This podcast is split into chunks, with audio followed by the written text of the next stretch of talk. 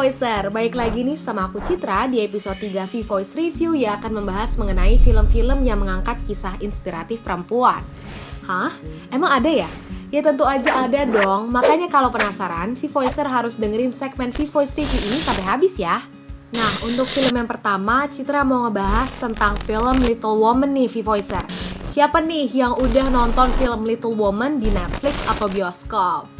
Nah, kalau kita ulas sedikit nih tentang film Little Woman, ada hal-hal yang menarik yang bisa kita petik nih V-Voicer.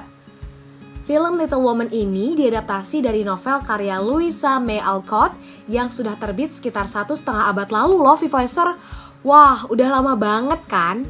Tapi ceritanya itu nggak kemakan waktu banget loh V-Voicer. Masih relate gitu loh sama zaman-zaman sekarang gitu. Di mana nih V-Voicer dalam film ini kehidupan dan pandangan perempuan pada abad 19 digambarkan masih dibatasi dengan adanya stereotip bahwa pernikahan itu merupakan pencapaian tertinggi perempuan. Menariknya nih, karakter Joe pada film ini menunjukkan tindakan-tindakan emansipasi perempuan di mana perempuan bebas menentukan pilihannya. Nah, buat yang kedua ada film Enola Holmes TV Voicer. Film ini berlatar belakang tahun 1980-an di Inggris di mana diceritakan bahwa kehidupan Enola Holmes tidak seperti kehidupan anak perempuan sebayanya di masa era Victoria. Ibunya, Eudoria Holmes, memiliki idealisme tinggi bahwa perempuan itu memiliki kebebasan untuk melakukan segala hal, seperti nih belajar seni menyulam. Terus ya, Enola tuh juga punya pendidikan literasi yang baik, begitu pula pendidikan sains.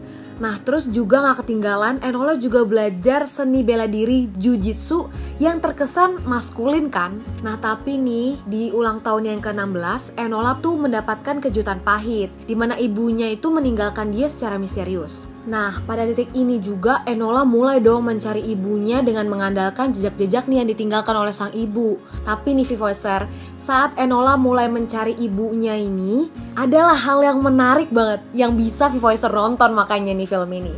Nah, sikap Enola dan sang ibu ini mencerminkan keberanian perempuan dalam memperjuangkan hak dan kebebasan yang pada saat itu memang perempuan tuh masih dibatasi gitu oleh nilai-nilai yang dianut oleh masyarakat kan. Nah, untuk yang ketiga ada nih film Moxie judulnya.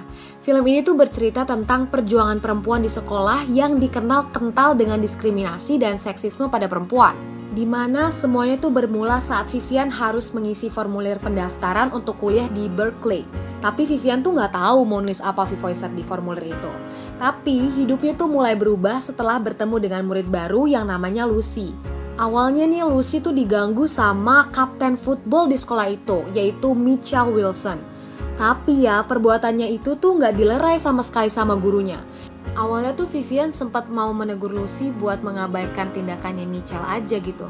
Tapi Lucy tuh menolak dan tetap akan melawan Mitchell katanya. Nah, karena terinspirasi dari tindakan Lucy dan juga masa muda mamanya nih yang termasuk dalam murid pemberontak, Vivian mulai membuat pamflet untuk mengajak siswa lain khususnya perempuan untuk berani melawan diskriminasi di sekolahnya. Banyak loh siswa perempuan yang tertarik untuk mengikuti gerakan yang dibuat oleh Vivian ini. Nah, makanya Citra menyarankan banget nih buat V-Voicer nonton film Moxie karena dari film ini kita bisa melihat perjuangan perempuan muda untuk melawan diskriminasi di lingkungan sekolahnya. Nah, selanjutnya ada film Mulan. Siapa sih yang nggak tahu siapa itu Princess Mulan? Ya kali deh nggak tahu siapa, ya kan? Meskipun film ini awalnya berupa animasi, tapi film Mulan masih termasuk dalam kategori film inspiratif mengenai perempuan loh, Voicer. Film ini tuh udah dirilis sama Disney pada tahun 2020 kemarin Lovey Voicer.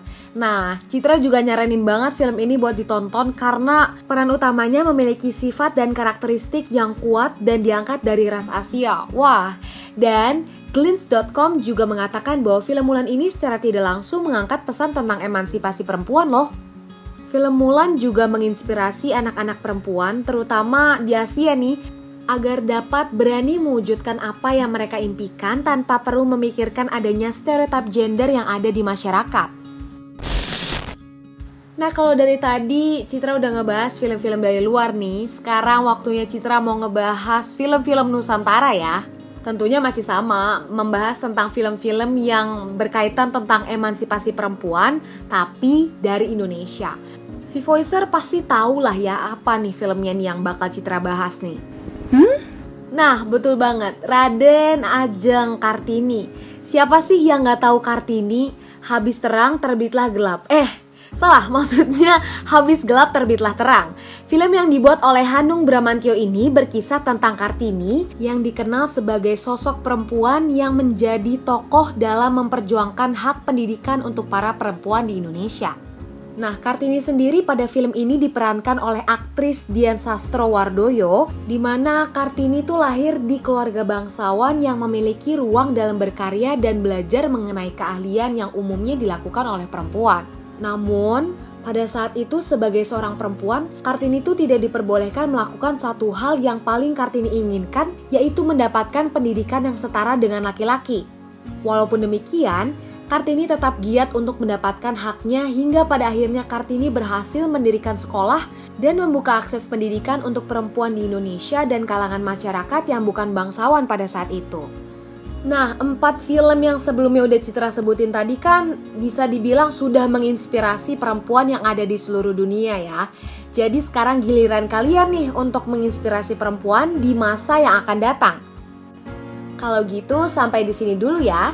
Sampai ketemu di V-Voice Review yang akan datang. Citra pamit, bye!